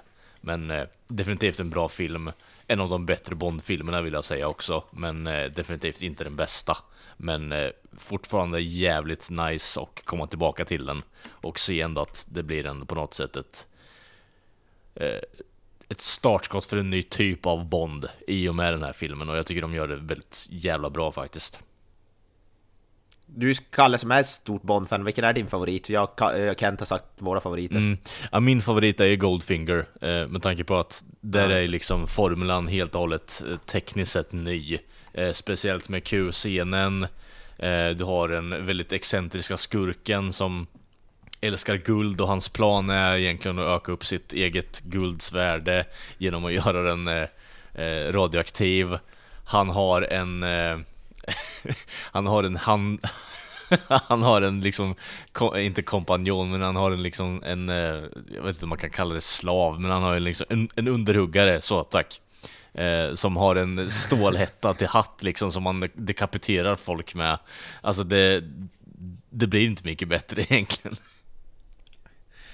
Just det, Jaws, vilken film är det? Han är ju Det är i, eh, det är i Moonraker och i um, For Your Eyes Only. Nej, The Spy Who Loved Me, förlåt mig. Men när du säger, när du säger Goldfinger, den här heter Golden Eye, det har också någon radioaktiv historia med sig. Är, är den här någon slags soft reboot eller hyllning till den? Eller är det bara en Alltså det, titeln är ju egentligen bara kopplad till dels en operation eh, från andra världskriget som Ian Fleming var med om och sen har ju han döpt eh, sitt hus i Jamaica eh, till Goldeneye också. Eh, så det är den enda kopplingen. Annars är det en helt originell historia. Är det. Men vi gör så här då gott folk. Jag tycker att vi har drönat på tillräckligt länge nu det här avsnittet. Se vad mycket som vi kan använda, men jag tror ändå det blir en hel del. Men Eh, tack för att ni har lyssnat. Eh, vi hörs igen nästa vecka. Vi finns på sociala medier, är bara söka på Creative Meltdown Podcast. Eh, Vår egen hemsida finns ju också då i creativemeltdownpod.wordpress.com. Det är bara att gå in där och läsa lite, checka recensioner och annat fränt material. Eh, ja, boys. Eh, det har varit kul att snacka med er om det här. Eh, har ni några avslutande ord? Hail Satan. Mm? Mm, eh, jag säger peace out. Och Up the Irons. Och eh, då får ni se till där ute och inte bli skaka och störda av den här podcasten också. Men vi hörs. Bye bye. That's it, man. Game over, man. It's game over.